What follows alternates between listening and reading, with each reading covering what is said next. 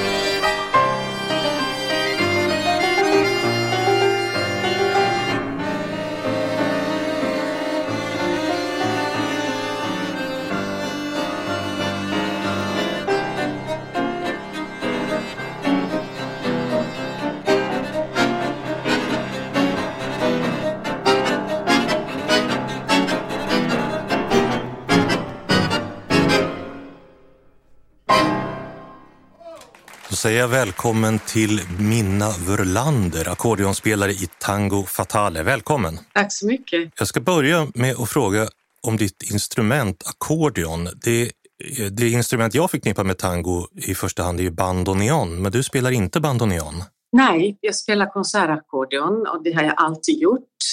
Det går alldeles utmärkt att spela tango, ny tango med en ackordeon. Är det någon skillnad på konsertackordion och det vi i dagligt tal kallar dragspel? Ja, det är jättestor skillnad. Bara klangmässigt, det finns ju så mycket olika möjligheter på det stora instrumentet. Den största skillnaden är ju freebase som jag har. Det betyder att min vänstersida är enskilda toner, precis likadant som min högersida. Och skulle man öppna den så blir det som en stor flygel. Så att jag har freebase och så har jag vanlig standardbase också. Den här konserten som vi ska höra, den spelades in den 13 september 2000 på dåvarande Musikmuseet, nuvarande Scenkonstmuseet. Kommer du ihåg det här konserttillfället? Ja, jag har svagt minne av den konserten, det har jag. Trio gjorde ju så vansinnigt många konserter under tio års tid. Men kanske just de här första, vi var ju ganska gröna då, vi hade spelat bara några år. Så den kommer jag ihåg. Ja. Och vad var Tango Fatale? Ja, vi träffades första gången i Grönland av alla ställen, vi tre musiker. Vi var på en turné, en turné som Nordiska ministerrådet ordnade och spelade separat.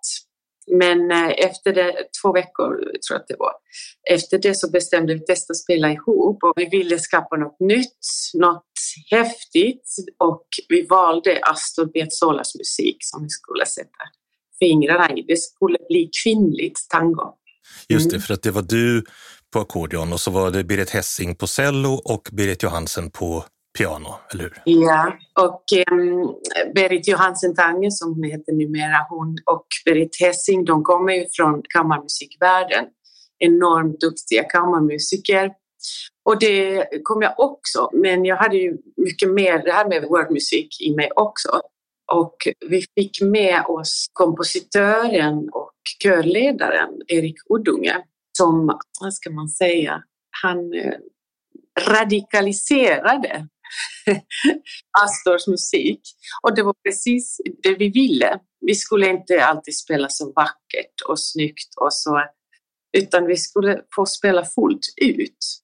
Han använde mitt instruments alla klangmöjligheter och så rytmisk som Piazzolas musik är så gjorde han det ännu mer rytmiskt. Så att det, det blev en någon sorts ny genre, tangogenre tyckte vi. Det hade inte gjorts innan. Vad hade du själv för relation till Astor Piazzolas musik innan ni började spela med Tango Fatal? Jag har liksom växt upp med hans musik. Jag tror det måste varit sju, åtta, nio år gammal. Jag kommer ihåg vilken låt det var. Astor Piazzolas Esqualo. Och, och därefter så har ju liksom hans musik följts mm, med mina studier. Det, det har alltid funnits hans musik med. Och trots att jag pluggade konstmusik, eh, nutida och barockmusik. Men det var ju först eh, när jag kom till Sverige 94 då jag började spela det på, på konserter. Så att det var mest mina studier. Och sen i, mm, hade lyssnat liksom oerhört mycket. Han var ju i Finland.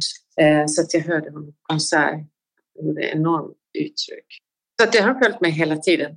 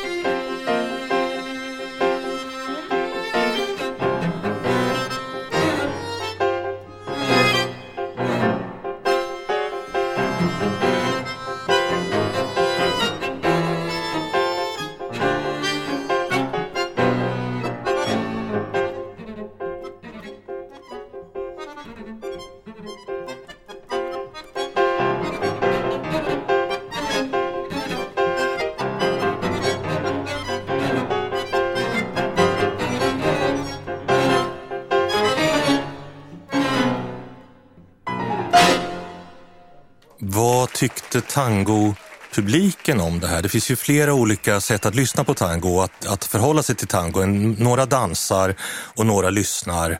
Men jag, jag har förstått att det är många som har ganska starka åsikter om tango och hur den ska spelas och så. Hur togs ni emot? Det var folk som var helt förtjusta och sen var det folk som hatade faktiskt oss. Det kom fram folk efter konsert som tyckte att vi också våldtagit Astors musik.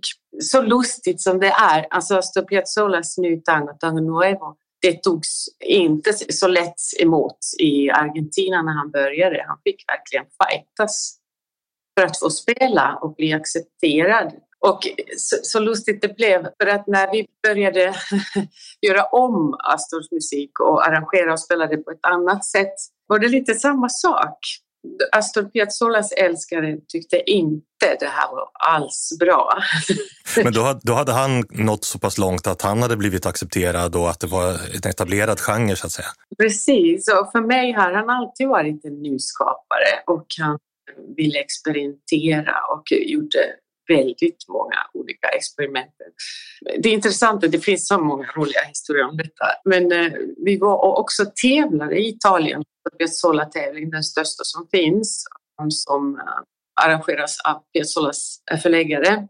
Och dit kom vi också eh, med dessa nya arrangemang och eh, vi var de enda som hade något nytt att erbjuda. Alla andra var spelade Piazzolla. Väldigt troget alltså? Eller? Väldigt troget, på samma sätt. Till och med hade plagierat Piazzolas improvisationer och sådär.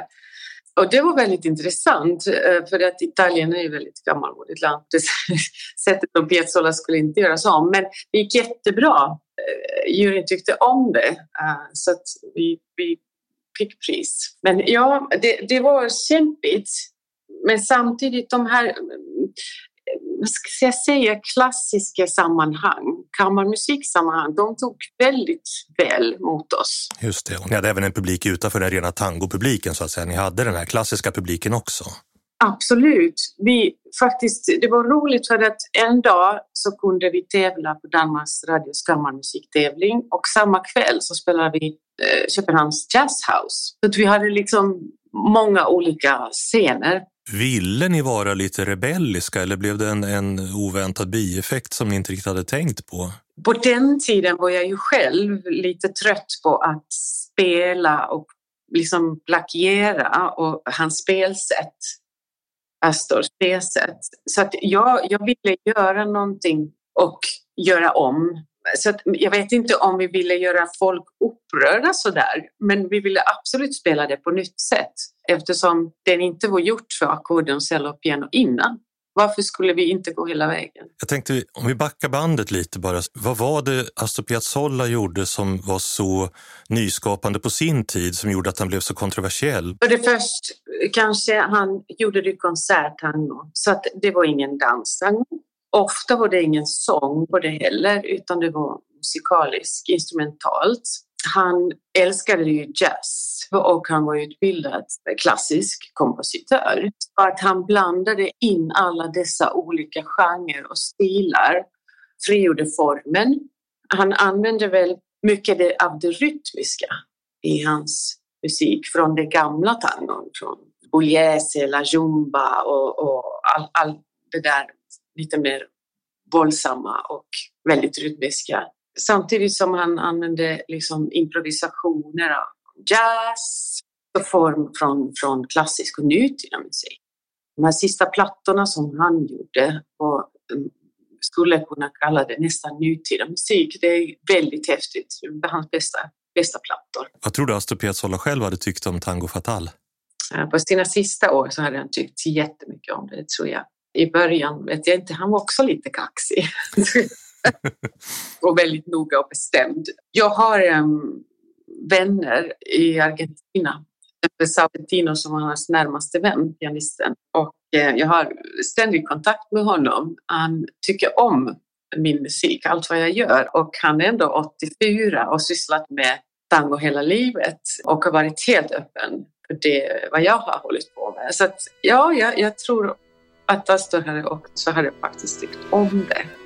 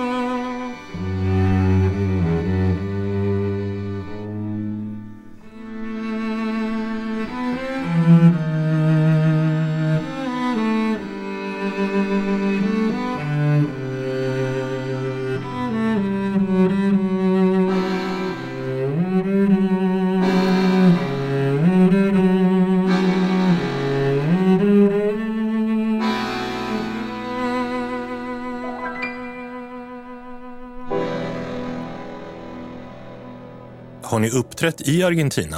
Det har vi inte. Jag vet att vår platta blev mycket lyssnat i Argentina och också i Finland där nämligen vi spelade. Vi hann aldrig komma dit. Nej, jag tänkte just fråga om det här med den finska tangon som ju är ett begrepp som många svenskar känner till men, men kanske inte alltid har en jättetydlig bild av vad det är. Det kan, det kan ju vara både tango så som vi talar om det nu men också lite mer åt det dansbandsartade hållet. Jag tänker hur, hur, er, publik, hur er musik landar i en sån, ett sånt sammanhang. Ja, det, det som sagt, finsk tango är ju fortfarande liksom danstango. Så att publiken är ju liksom kanske inte så där jätteförtjusta, det var de inte. Nej, då var, var det snarare att ni hade lyssnare bland de som lyssnade på, på klassisk musik eller kammarmusik? Ja, ja, exakt så. Har ni någon gång spelat i dans? Inte denna sättning, nej. Jag har gjort det själv väldigt mycket och det, jag spelade med en argentinsk pianist innan Hernan Lugano mina första år i Sverige. Så att det, vi kunde spela fyra, fem timmar per kväll. Och det fick jag nog av, så det vill jag liksom inte göra mer. Men det var en väldigt bra skola. Hur, hur skiljer det sig att spela till dans mot att spela konsertant? En konsert är ju högst kanske två timmar, men detta fick vi ju dra fyra, fem timmar. Det är slitsamt, väldigt roligt dock. Och sen det där just, har man liksom gjort det där tre kvällar eller två kvällar per vecka så, så blir man sån där himla rutin. Att en, en konsert kan vara mer, man är ju mer spänd när man spelar, kanske mer nervös också. Ja, jag tänkte just om det var om man spelar på något annat sätt. Ja, det gör man. Man, man måste ju få det att svänga så att det går också att dansa till. Så att, eh, och trio, trios musik var ju inte, det gick att dansa till. Inte på, inte på det sättet. Den här konserten där ni spelar nu, den är alltså från 2000 och då var ni som du sa ganska färska. Eh, hur känns det att höra den idag? Jag kan ju höra det lilla, alltså det var väldigt mycket energi, power och speed. Vi var väldigt unga fortfarande. Mm. Både gott och ont. Um, hur skulle du säga att ni utvecklades senare? För ni spelade under tio år. Ja, vi gick runt med samma program många, många år. Så att vi, vi behöll den stilen. Vi blev ju bättre att spela ihop. Vi hade ju aldrig problem att spela ihop eh, från första början, men såklart efter tio år så blev vi blev ju bättre ensemble såklart. Blev ni lite mer äh, återhållna eller behöll ni ja, energin? Det tror jag absolut. Och sen just det där att vi fick ju som sagt spela så många olika ställen. Vissa ställen fantastisk akustik, vissa ställen ingen akustik, vissa klubbar, jättestora konsertsalar. Så att vi kunde anpassa oss väldigt väl och det kanske inte är så där jättevanligt med kammarmusiksammanhang. Tack så mycket.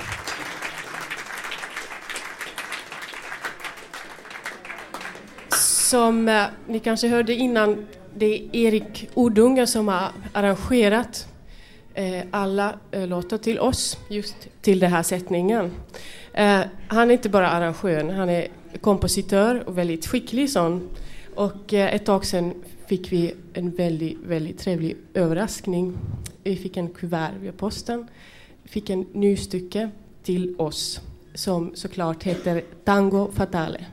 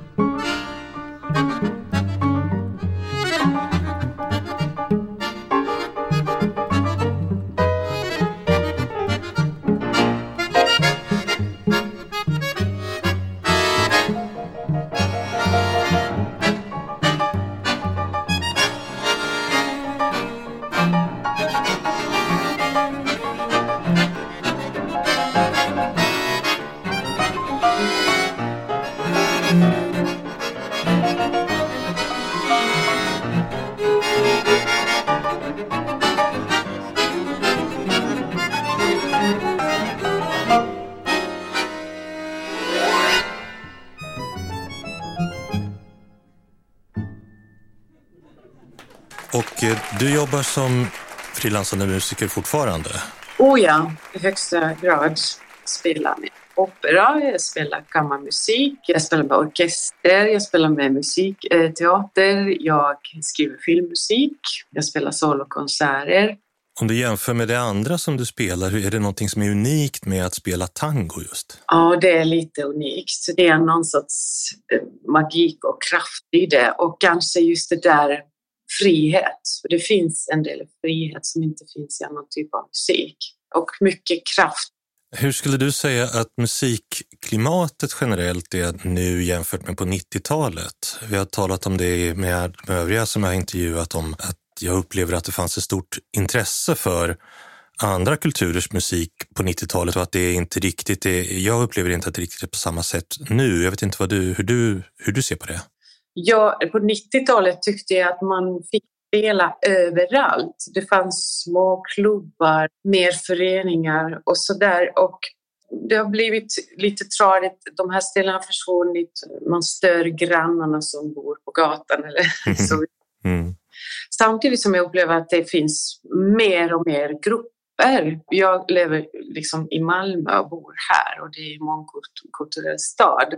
Jag upplever att det finns jättemycket eh, olika typer av musik.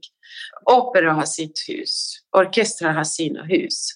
Men jag tycker att det saknas hus, eh, stora scener för just worldmusik, crossover, där vi kan göra vad vi vill. Det eh, låter som du, det du ser är kanske inte ett minskat intresse hos publiken och hos lyssnarna utan snarare omständigheterna där man kan, som man kan spela och verka och musiken kan höras. Ja. Nu när den här konserten blir tillgänglig igen, vad hoppas du att lyssnarna ska få ut av den? jag hoppas att alla tycker om det såklart. Men det, ju, det var ju nyskapande då tycker jag. Och jag tror att det är fortfarande nyskapande. Så det, det kan ju vara lite roligt att höra och kanske lite inspiration.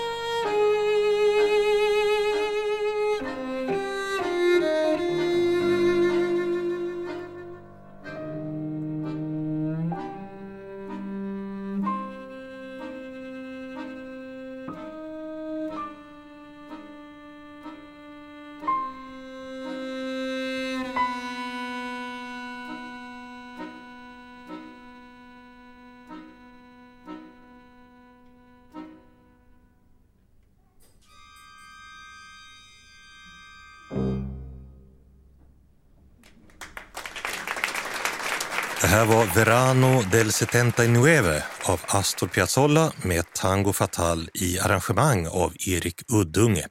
Inspelad på Mix Musikcafé i Stockholm den 13 september 2000. Hela låtlistan från konserten hittar du i beskrivningen för det här avsnittet. Och vill du höra konserten utan intervju finns den i samma flöde som det här avsnittet. Då säger jag tack till Minna Verlander för att du var med. Tack ska du ha. Vi spelade in det här programmet den 25 oktober 2021. Tack också till dig som har lyssnat. Och här är konsertens avslutande låt Milonga Picaresque.